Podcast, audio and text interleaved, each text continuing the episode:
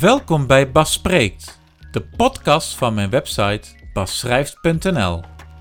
Met dit keer angst. Het woord legt al de toon. Negatief en drukkend. Het gevoel. De gezichtsuitdrukking. Als je dit woord hoort, doet het je misschien wel denken aan de orde van de dag. Hoe zal het vandaag gaan? Financieel, met de gezondheid, je baan. Met wat voor gekke ideeën komt de overheid? De een wil bezuinigen en de ander juist uitgeven voor een betere samenleving. Wat gebeurt er met de energierekening? Kan je die nog wel betalen? En je vaste lasten? Alles wordt duurder en duurder. En wanneer ben jij aan de beurt? Ik bedoel dat je hulp nodig hebt. Want velen kunnen de boodschappen niet meer betalen. En de voedselbanken krijgen het alsmaar drukker. De angst van de samenleving zou je haast kunnen zeggen. Ikzelf vind deze maatschappij na corona behoorlijk in negatieve zin veranderd. Want kijk eens om je heen. De gezichtsuitdrukkingen.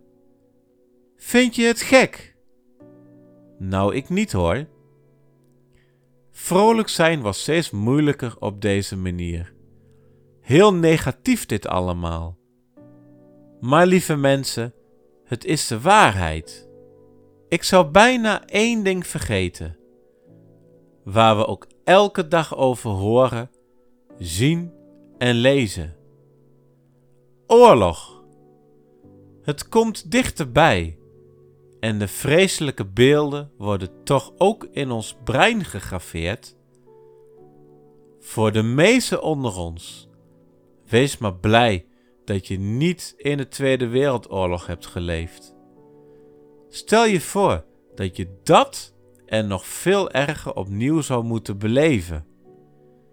Ik hou mijn hart vast voor de mensen die de Tweede Wereldoorlog wel hebben meegemaakt.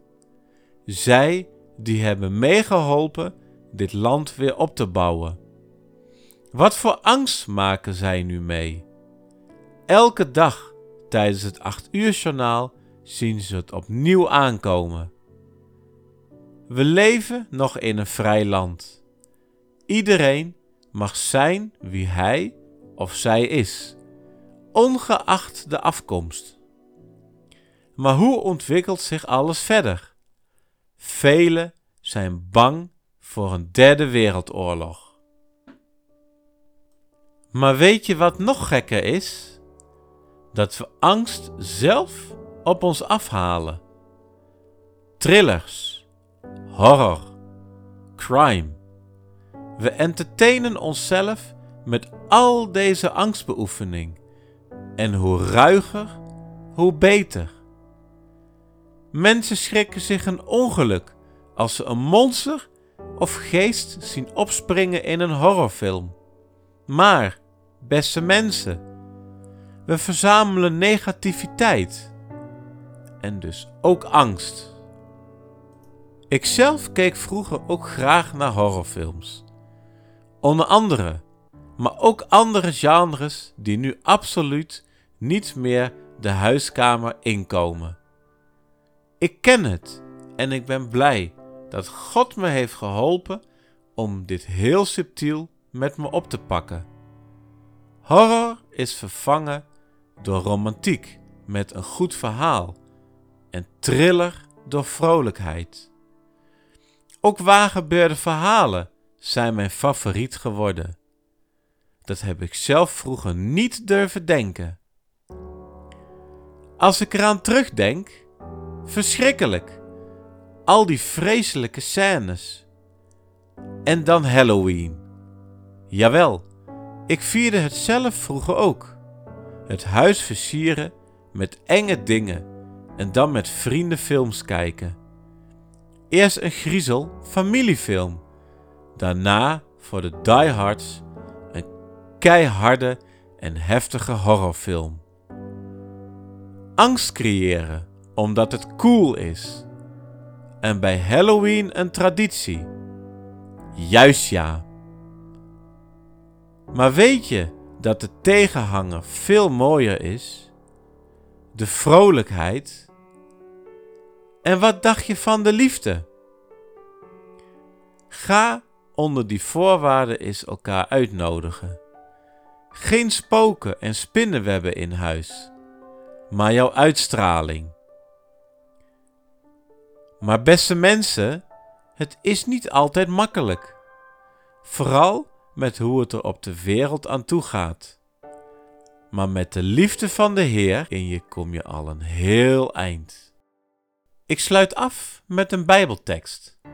En deze Bijbeltekst is gebaseerd op het creëren van angst, maar ook angst in het algemeen, zoals je in deze aflevering hebt kunnen horen.